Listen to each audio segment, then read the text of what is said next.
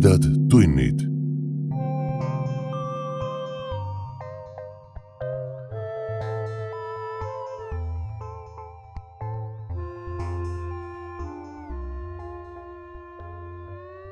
tere, hea ulmesõber!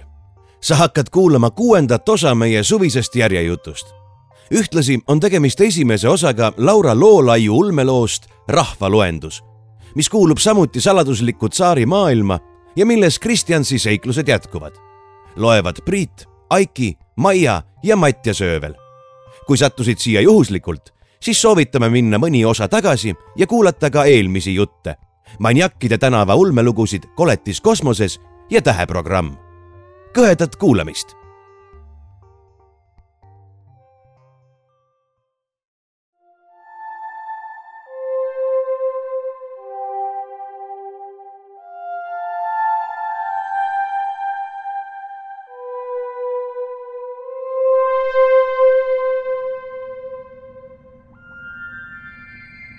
mida sa näed? tänav, suvi, jutuvestja istus põrandal, traadiga tugevdatud vanamoodne virtuaalkomplekt peas. paarkümmend nudipäist, ühesugustes taskuid täis tikitud tunkedes inimkogu naaldus kätest hoides tema poole, riivates ühtlasi kohevat samblapalli, mis puhkas jutuvestja paljaste jalataldade vastas istujate nägudel mänglesid mitmevärvilised varjud. läbi laevakere vaatepaneeli sillerdasid võimatutes värvides tähelaev Estonia pinnale istutatud varpvälja generaatorite mügerikud, mille tekitatud ruumimoonde mullis kümblesid kaks vana Estonia alles jäetud tsentrifuugrõngast. teiselt poolt valgustasid kloonide palgeid teabelabori hiilgavad ekraanid ühe tööpuldi tagant jälgis juturingi tegemisi Kristjan Sjurmala, kelle rahvusvaheline asustuskomitee oli hämarikult välja saatnud. võpatades pööras Kristjans pilgu tagasi puldile ning asus sinna vastumeelselt andmeid sisestama.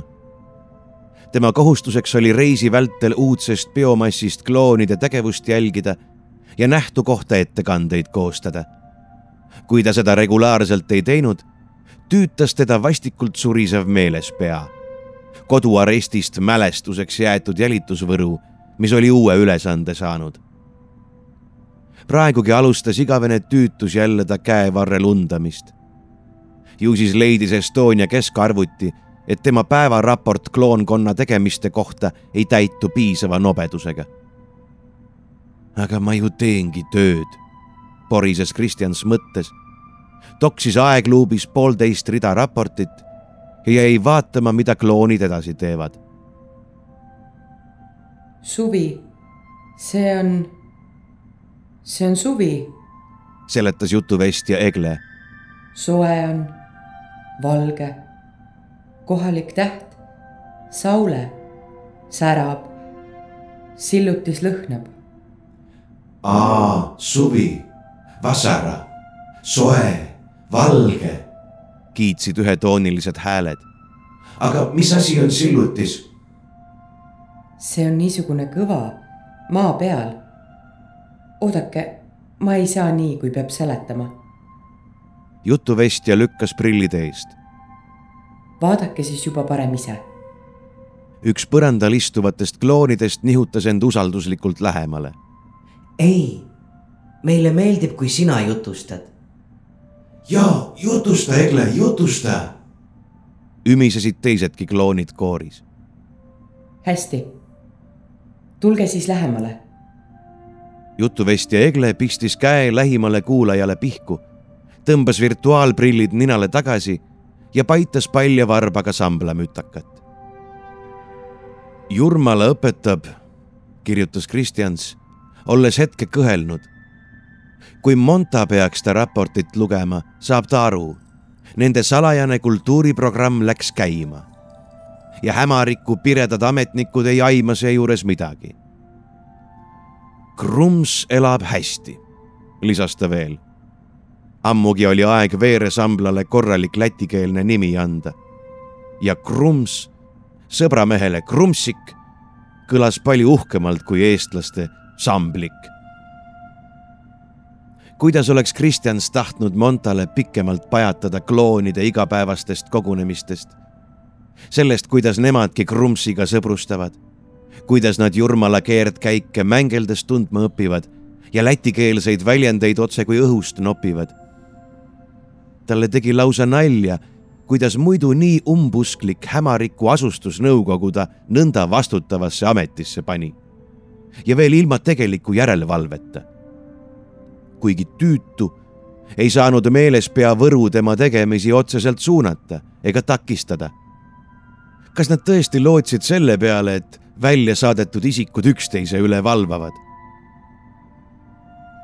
Kristjans mõtles veidi liikus reale mittekloonidest reisijat ärkvel ja kustutas selle lilutseva ühekohalise numbri. keelduvad koostööst, kirjutas ta asemele. reale kloonidest reisijate väljaõpe märkis ta valiku vastavalt keskarvuti antud kavale. las aga arvavad, et kloone kontrollib Estonia ja hämarikult kaasa pandud Eesti kultuuriprogramm ta jättis pooliku raporti ekraanile tiksuma ja kikitas taas kõrvu. tänav, suvi, Privipasiela. ma kõnnin, me kõnnime. soe õhk liigub meie ümber, seal üleval. Privipas, Privipas, kordasid kloonid ja ulatasid järgemööda üksteisele käed Kristjans jälgis imestusega, kuidas kloonide käelihased järjest tugevamini tõmblema hakkasid, kuni kogu ringi läbistasid rütmilised võnked. kas neil valus ei ole, imestas Kristjans, kui nägi samblapalli pinnal särisevaid mikrolaenguid ringi mööda edasi levivat. kellel tõusid käekarvad, kellel prõksusid kuklaudemete vahel sinised sädemed kuid kloonid ise ei paistnud elektrivõnkeid pahaks panevat. hoopis vastupidi. Nende nägudel valitses keskendunud ilme ja tosinad silmad rullusid vilkalt suletud laugude taga. üleval ka õhk, sinine, all maa, seeme, kõva must. sõidumasinad liiguvad mööda seemet, aga meist lähevad mööda. meie ees taga, vastu kõnnivad inimesed. mõnel on noheliku küljes väike biomorf. üks biomorf tajub meid, teeb häält vau-vau. veel inimesi, palju, mitmesuguseid. On suured inimesed, on väikesed, Berni. Berni, Berni. ümisesid kloonid ning nügisid teineteisele lähemale. jälle hakkasid nende liikmed ägenevates elektrilaengutes tõmblema ning seekord muutus särin nõnda ägedaks, et mitmed kloonid tõmbusid ebaledes ringist eemale. pidage, hüüdis jutuvestja. ärge katkestage kontakti. Ma tunnen, ma näen nüüd palju rohkem, selgemini. Teie ju näete ka. kloonid pomisesid kinnituseks ja ühendasid taas käed. Kristjans kasutas tekkinud vaikuse hetke ja lisas raportile veel poolteist rida udujuttu. väsimatu meelespea jäi lõpuks ometi vagusi ja ta sai rahulikult edasi kuulata.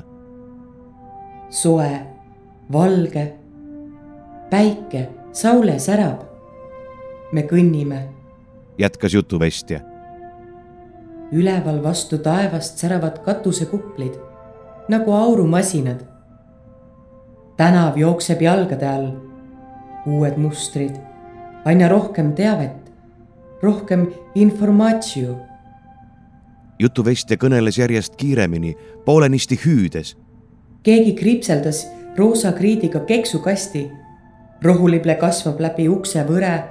poeaknal küpseb lillepotist tilluke tomat. uksest hingab jahedat pimedust. tuba seeme all nii kodune. me astume edasi, uksed, väravad, kangialused, sisehoovid. jutuhoog vaibus, kui mõned noored nudipead segadusse sattudes jälle käed lahti tõmbasid. Kristjans vaatas kadedusega kloonide säravaid silmi, lisas vastse raporti saatmisootel andmepaketile ja sisestas korraldused teabevirgatsi teele läkitamiseks. väljas kosmoses eraldus Estonia kerepesast pisike varprändur, mille ülesandeks oli kirjatuvi kombel koju hämarikule rännata ja salvestatud teave orbiidilt asustuskeskusele edastada Kristjan saatis pilguga sõnumikandja teekonda Varpvälja piirile ja ootas, kuni siiru viirustunud värvide mäng vaatepaneeli taga andis märku, et väike ruumimoonde mull on suurest edukalt eraldunud. siis tõusis Kristjans liigeste naksudes teabepuldi tagant ja astus justkui muuseas kloonide ringi. terekest.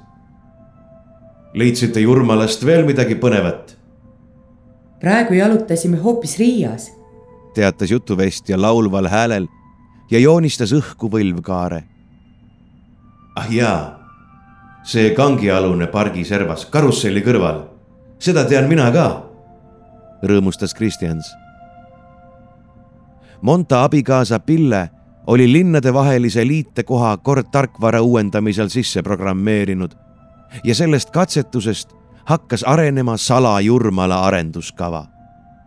just, kangi alt läbi ja joomas Jelasse Previbas Jela. ja eile käisime laulupeol, teatas üks vast ärganud kloon õhinal. vaat kui tubli, ma ise pole veel jõudnudki, tähendas Kristjans. kuidas te sinna saite?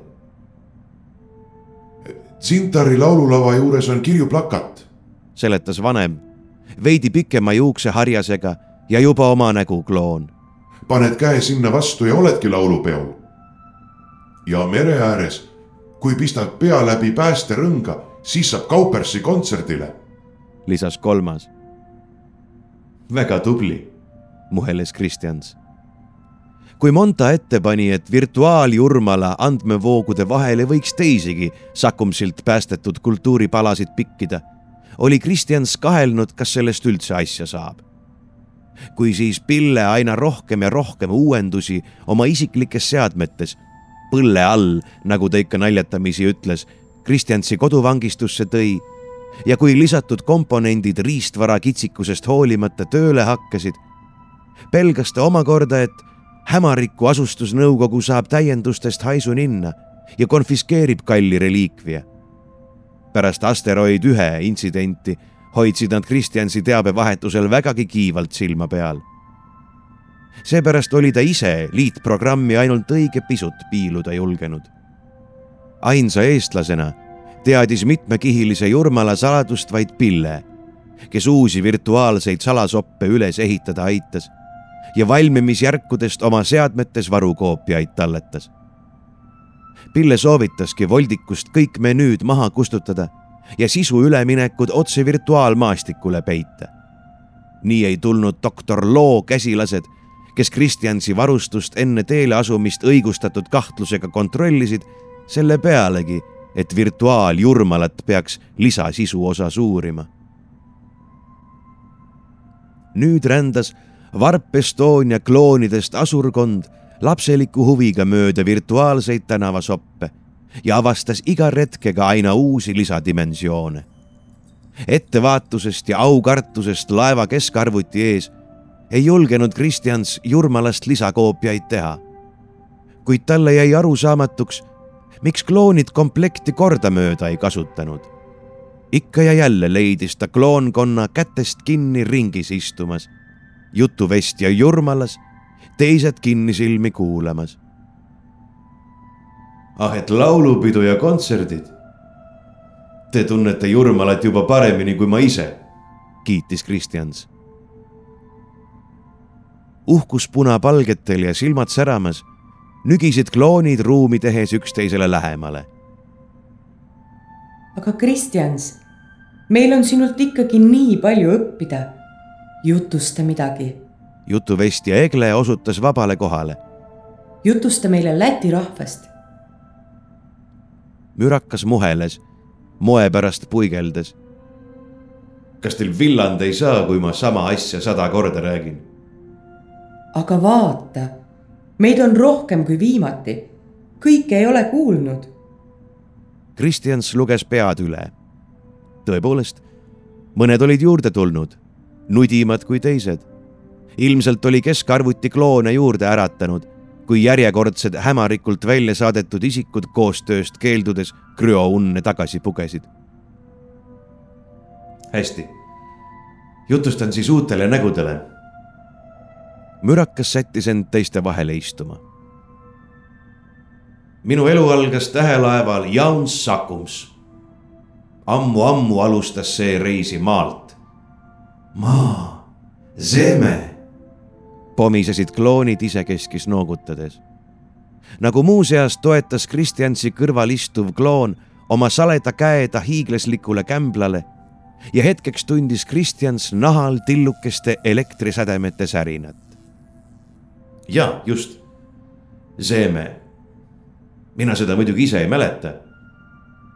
niisiis. ta kõneles pikalt lennust ja laeva argielust, eriti laboritest, kus ta Monta käe kõrval isegi esimesi katseid tegi. lõpuks mürakas ohkas. meist pidi saama hämariku rahvas, aga läks teisiti. orbiidil tabas meid häving kogu laeva mähkis endasse hirmus koletis. kloonid olid hakanud isekeskis sumisema ning kui mainiti koletist, vallandus kõigi suust ühine hädahüüd. kohutav koletis, Briesmiks Briesmonis, hävitaja Briesmonis. kriiskasid kloonid ja nende liikmed tõmblesid kontrollimatult. teisegi kõrvalistuja käe rahustuseks pihku haaranud Kristjans tundis sõrmeotstes veelgi tugevamat elektrilaengute särinat. ning siis korraga oli ta jälle seal, hämariku orbiidil ning pidi õudusega pealt vaatama, kuidas mustade kombitsate udu kõrbemägede süütu terenduse taustal Jaunsi endasse mähib. ühtlane pimedus neelas kõik. siis kadusid nii laev kui udu ja planeedi kohal laiusid veemassid. sarnaselt sillerdavad nagu lõputa ookeanid allpinnal. helkivaisse sfääridesse aga lõikusid tundmatute sissetungijate nurgelised hiigelstruktuurid, mis moondasid siinsed eluvormid kujuta ja sihita biomassiks taeva laotuse ja planeedi pinna vahel raksusid silmapiiri kõrgused hargnevate välkude ahelad tintjast udust kombitsad kogunesid võitluseks sissetungijate vastu. kaitsja. hüüti ringist kõheldes. kaitsja. kordasid poolvaljult veel mitmed hääled. hävitaja. kaitsja. vaenlane. valvur. hõikusid peagi kõik kloonid läbisegi elektrisurin Kristjansi sõrmeotstes muutus ebameeldivalt teravaks ja ta meeltesse paisati aina uusi pilte hämariku kohalt. Sakumsi häving, vetevoogude kaitse, häving, kaitse, häving, kaitse, häving. aina tugevamad laengud läbisid ta kahjustatud ihu. Kristjans rapsas käe vabaks ja kangastus kadus ta selg kattus külma higiga. silme ees tantsisid taltsutamatud ookeani sähvatused. kõik ta närvikiud huugasid vastakate signaalide segadikus. välguarmid tulitasid kõigi vanade luumurdudega võidu ning kõhus keeras. raskelt hingeldades vajus hiiglane käpakile. oodake. jutuvestja võttis virtuaalkomplekti peast ning astus nõtkel sammul ringist välja. nii ei ole hea. Kristjans peab puhkama. teinekord jutustame edasi. tema juhendamisel tassiti hiiglane väiksema raskusjõuga tsooni, kus see suutis juba omal jõul edasi komberdada. Pole midagi, saan ise, kohmas Kristjans teel, aga jutuvestja Egle ei teinud kuulmagi siin ei ole meil passiivse tervisetoe süsteeme nagu Hämariku asundusmoodulites. manitses ta. siin pead ise raviga hoolas olema. või siis hoiduma minimaalse raskusjõu tsoonidesse. aga kust sina tead, mis süsteemid meil hämarikul olid? Egle kehitas õlgu. ma nägin seda kuidagi kogemata, kui me enne jutustasime. Aga kuule. Kristjans peatus. kuidas te seda tegite? mul ei olnud ju prille peas, aga ikkagi nägin. ma ei tea. jutuvestja käänas pea mõtlikult viltu. me panime käed kokku ja pildid lihtsalt tulid läbi meie. nagu minu krumpsik, hüüdis Kristjans. tõsi. Jutuvestja paitas samblapalli, kes nendega vaikselt kaasa oli veerenud ma kuulsin, et meie põlvkonna loomisel kasutati peamiselt hämariku veeresambla massi. nii on jah, kinnitas Kristjans, püüdes ise pingsalt mitte mõelda hirmsale hävitustööle, mida ametnikud mõistusliku eluvormi kallal toime olid pannud. sa arvad, et sellepärast teil töötabki selline jagamine? võimalik, me ka ei tea, kuidas see juhtus kas te siis kohe alguses ei saanud niimoodi? ei, alguses oli teistmoodi. kuulasime, rääkisime. jutuvestja lükkas puiklevat Kristjansit ravitoa poole. aga kuidas te siis teadsite, et nii saab? ei jätnud see jonni. ei tea, nii lihtsalt tundus õige. Kui Kristjans oli raviaparaadi alla taastuma seatud, ulatas jutuvestja talle virtuaaljurmala ning upitas ka samblemütaka Kristjansi jalutsisse. ta soovib sinuga omavahel kõnelda. kõnelda? tead küll, Jurmalas. jutuvestja liugles leebelt naeratades ravitoast välja. sfääriku kumerus põlve vastas tundus nii kodune, nagu oleks nad tagasi hämarikul oma ühetoalises pesakeses Kristjan sootas, kuni ka teised kloonid olid muude asjatoimetuste juurde asunud. siis toetas ta peopesa sambla mütaka turjale ning käivitas Jurmala. ta silme ees laius külm kosmos ja selle sügavustest lähenes üksildane täpike. täpike kasvas ulguplaneediks ja nähtavale ilmusid orbiidil aeglustusmanöövreid tegevad maalaste laevad Jauns Sakums ja Vana Estonia. hetkeks mähkus Sakums hävitaja kombitsatesse. kuid siis hirmutis taandus ja ühe korraga jooksid pildid Kristjansi silme ette tagurpidi.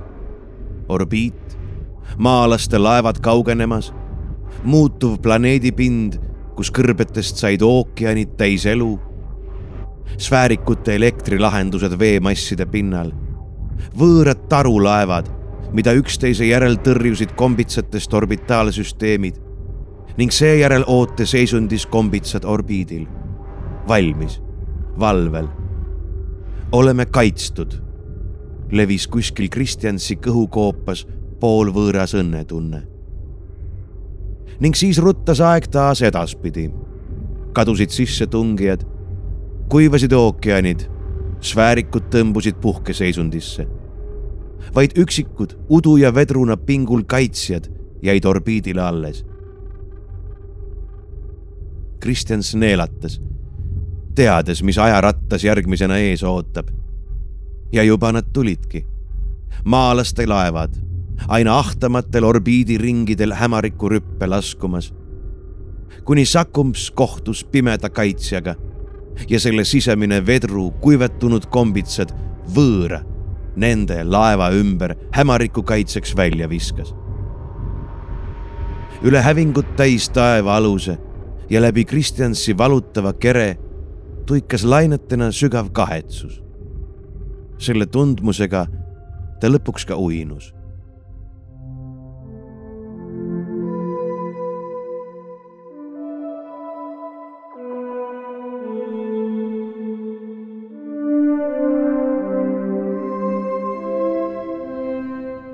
aparaadi toel paranes Kristjansi tervis peagi. ja ta võis jälle pikemat aega tugevama raskusjõudtsoonides viibida ning kloonidega ülestähenduste tegemiseks kaasas käia. jutuveste ringides rääkis ta aina ja aina uuesti, kuidas Jauns Sakums maalt teele asus, kuidas hämarikule lähenedes ellujäämise nimel võideldi ning kuidas astronautide abiga tema ning õpetaja Monta hädavaevalt eluga pääsesid nüüd ei vallandanud hämariku kaitsja kombitsate meenutamine enam ühist paanikat nagu esimesel korral.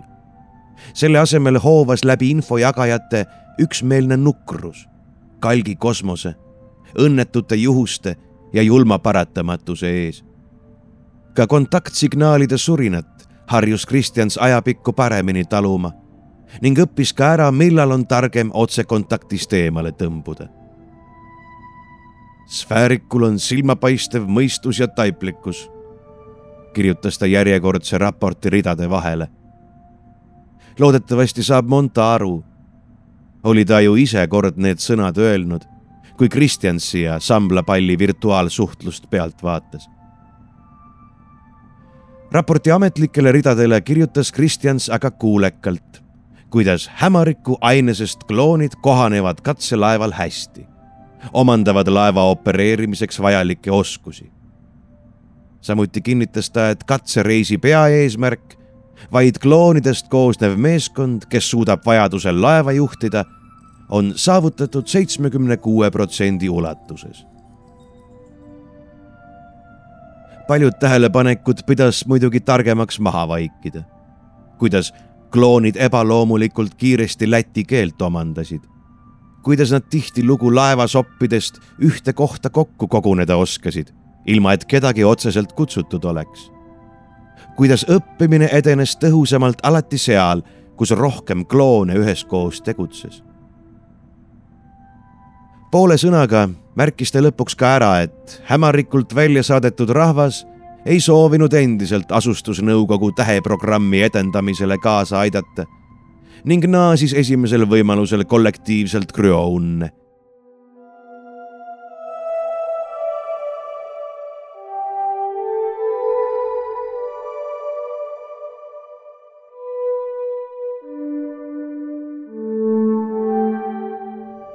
järjekindel jälgimistegevus osutus siiski märksa keerukamaks kui reisi alguses viimasel ajal liikusid kloonide salgakesed taimekasvuvööndi vahet.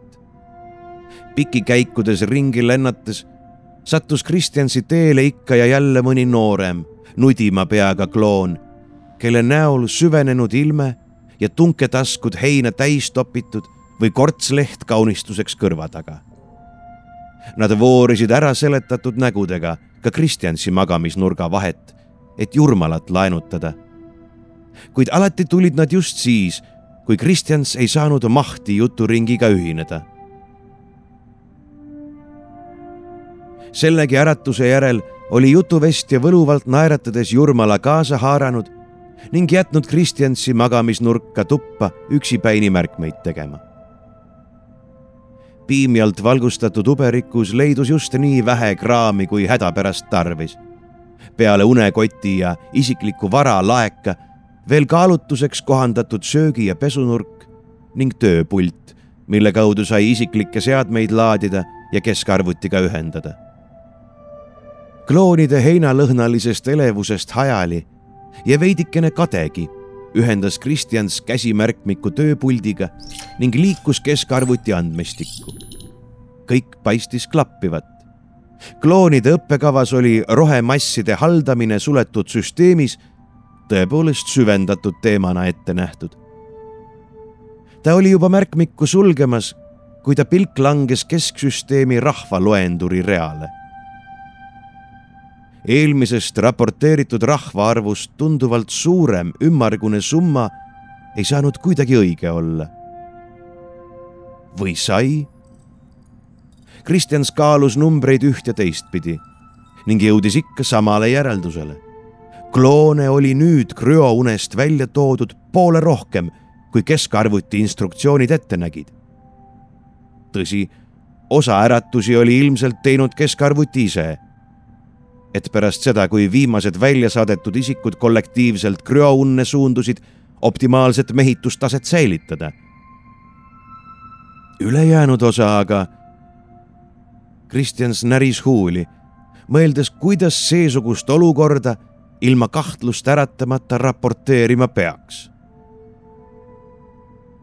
kaua tal mõelda ei lastud. uksele ilmus neli ühtmoodi ujedat klooni olematute juuste ja veel eristumata näojoonte põhjal otsustades hiljaaegu äratatud. tere, poetas üks punastades. meile anti ülesanne. me peame sind kaasa kutsuma. Kas läheme juttu vestma? päris Kristjans, kui nad koridoride harupunktile lähenesid.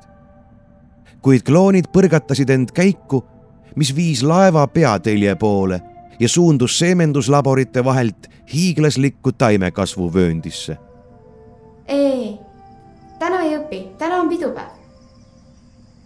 kloonid nügisid ja tõmbasid mürakat sinnapoole, kust hoovas rammusa kõdusegu ja kasvavate taimemasside niisket hõngu. mis pidupäev? oli Kristjan segaduses ta oli varemgi raskusjõuta kasvuvööndis viibinud ja teadis seetõttu oodata üüratuid rohemasse, mis mullidena valgusallikate ümber koondusid ning mitmetest hoonetest, vöötmetest läbi roomavat õhujuurestikku vaipa, millel oli nõndamoodi vohada lastud vana Estonia aegadest saadik. kuid nüüd kõneles kõik ka veel tegusatest inimkätest. mitmele poole lehistihnikutesse oli õõnestatud õdusaid pesakesi, milles end paigale seada ja seesmise sektori piirilt viis kasvuvöötme keskpaika vitstest punutud tugikaartel õõtsuv rohetunnel. tunnelit mööda sai mänglevalt edasi kulgeda, just nagu elusas laevakäigus.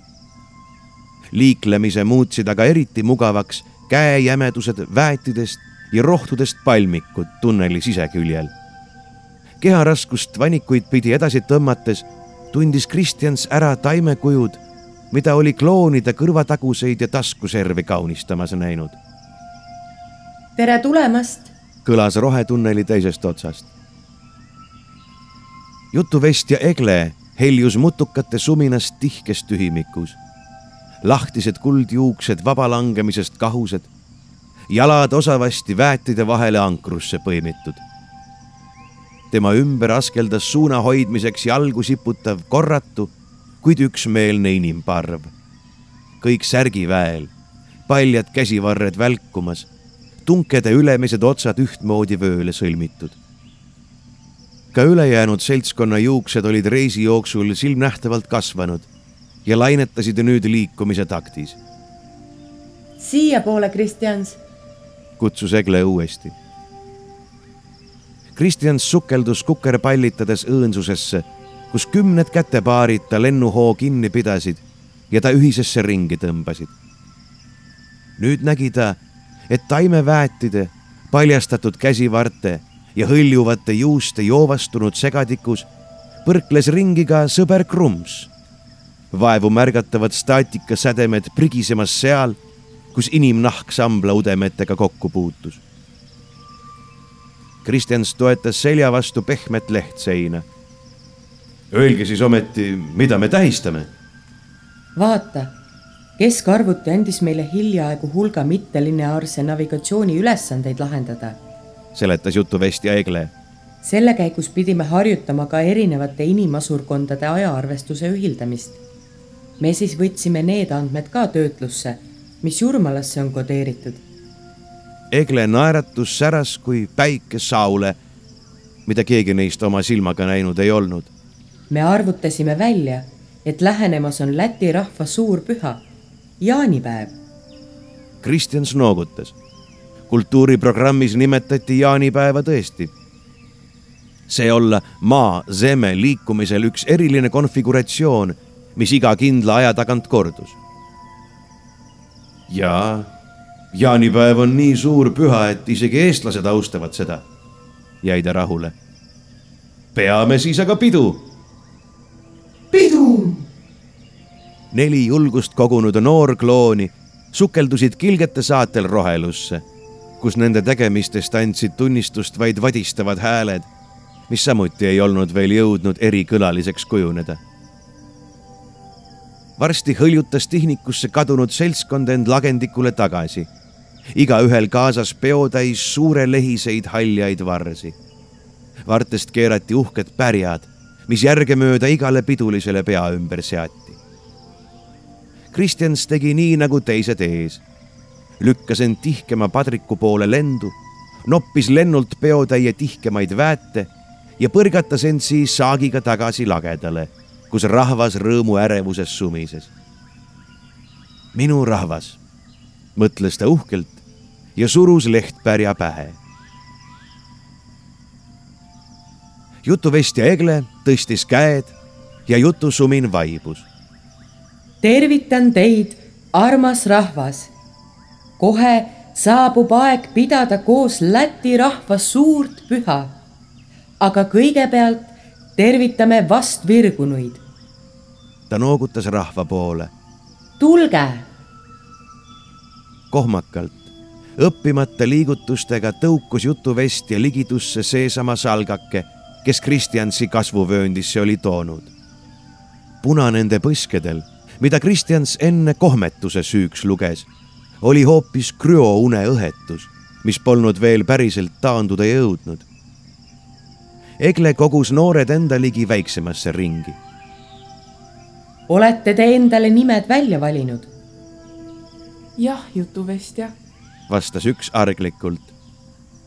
mina soovin, et mu nimeks saaks Jeanette, Jeanette Kaasike.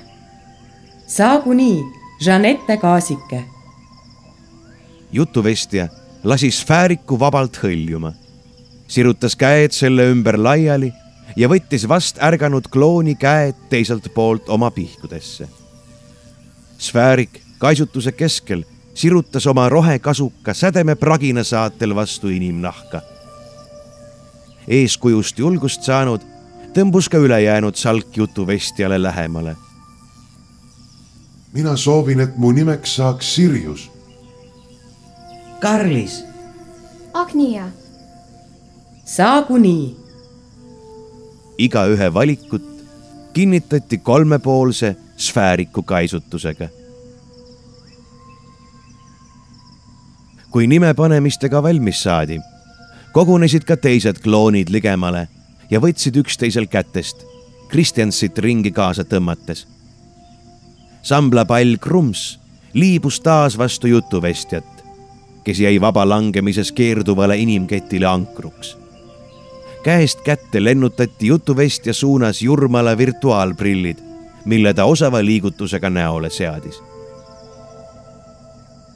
Kristjans tundis näpuotstes tuttavat surinat ja juba kaduski ta meeltest Varp Estonia koos kasvuvööndi rohelusega ja selle asemel laius sahisev rannaluht hääbuvas ehakumas pilt tuli talle Monta päästetud kultuuripalade seast tuttav ette. kuid mitte kunagi varem ei olnud see nii ere ja lõhnav. ta sammus loksuva lahe kõrval kasteses rohus vastu lõunatuulele. sinna, kust kandus ninna tõrvakas suitsuvine. teisi virtuaalreisijaid ta silma ette ei kuvatud, kuid Kristjans tundis eksimatult nende kohalolu Nad läksid ühel meelel läbi jaaniöö. Läksid, kuni jõudsid rannarahnu tipus jõudu koguva lõkketuleni. kui jõuti leekidest valgustatud ringi, kus oli eksimatult kuulda vaigupraginat ja ühisteadvuse nahk kuldses kiirguses kirvendas, tundis Kristjans käevartes häirivat surinat, mida ta nüüd ära tunda ja karta oskas vastuolulise teabe eeltõmblusi. juba tundiski ta ka teiste meeltega, kuidas ühisteadvuse ühtosa, inimlikumalt poolt, mis teadis lugusid ja Läti rahvalaule, tõmbas tulepaistvuse poole. teine osa aga kisendas hirmunult selle vastu ning sumeda rannaõhtu vaatesse lõikusid mälupildid tulekeradeks moondunud sfäärikutest kelle kuhjadele hämariku inimrahvas halastuseta leegiheitjat suunas. aina hirmsamini kõrvetas vastaka teabe valu seestpoolt ka Kristjansi ihu. ja kuskilt kaugelt, kaugelt imbus ta sõõrmeisse kärssava tehiskoe hõngu. käevarrele lukustatud meelespea võru suitses ja sisises lühiste tulvas. Ta oli hullemast piinast pääsemiseks juba käsi lahti tõmbamas.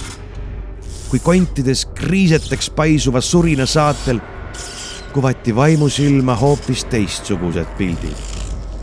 paigad, mida ei leidunud Jurmala turismiprogrammis ega kokku kogutud Läti kultuuripalade paketis. ei, neid paiku mäletas ta hoopis hämarikult. õõnsused peidus planeedi kõrbestunud kesta all, sügavustest kerkiv ehitusmüra, hoovad, masinad ja mehhanismid. aina rohkem, suuremad ja sügavamal.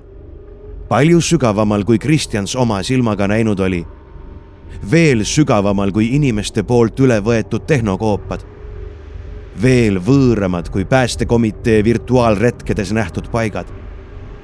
hiigelhoobade, üüratute mahutite ja tumedast vedelikust väljade vahel sähvisid tuttavad hargnevad välgud ning süsteemide seas lendlesid kontrollitud surinal aktiveeritud sfäärikud.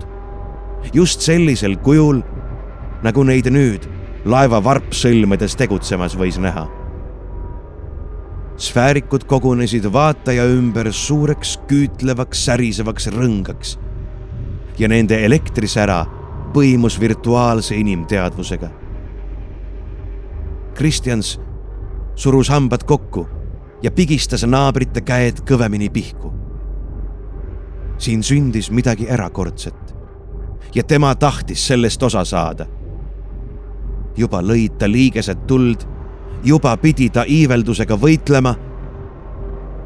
korraga hakkas eemalt kostma unelevat viisikäiku. jutuvestja laulis hällivast kasteheinast ja kuldsetest kõrkjatest, pehmetest sammudest ja udust soosambla peal. nägemuslikud leegid taltusid tasapisi Miilangu mühast sai tasane kasteheinasahin ja närvisignaalide kakofoonia Kristjansi kehas andis järele. rahutus ei vaibunud siiski ühe korraga. Jutuvestjast kaugemal paiknevad kloonid visklesid endises ärevuses ja kohalolijate silme ette paisati aina lähemaid ja kaugemaid projektsioone hämariku pinnast, leegitsevatest veeresambla kuhjadest elektrilahenduste suminas hõljuvatest sfäärikutest. lõpuks kaugenes vaade hämarikust ja tõmbus kosmose sügavusse, kuni ühise vaimusilma ette manati aegruumi lõikuvad varptrajektooride mustrid. Nad kardavad, seletas Egle. see on arusaadav. Nad kardavad ka meid. Nad tunnevad ära, et me oleme inimkujulised ja inimkujulised on neile palju halba teinud. ta jätkas rahustavat üminet. Kristjan taipas, et jutuvestja kõneles neist samadest varpsõlmede sfäärikutest. Kuidagimoodi olid kloonide ühissignaalid üldises ärevuses kandunud laeva kesksüsteemi, mis need omakorda varpkeskusesse edastas. kuid sama teed nagu inimesteni sai edastatud hirmusignaalide laine, kandus jutuvestja hällilaul nüüd kogemata tekkinud ühenduse abil kõikjale. ja pikkamööda rahunesid nii sfäärikud kui kloonid. Ühiskogemuse lõppedes pudenesid nad õnnelikult vadistades rohevöötmesoppidesse, nägudel uuesti sündimise sära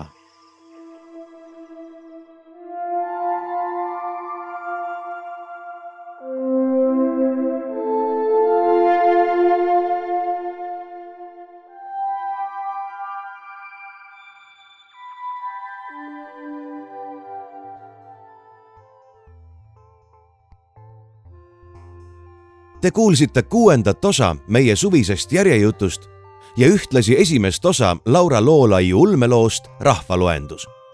järgmine ja ühtlasi viimane osa täpselt nädala pärast.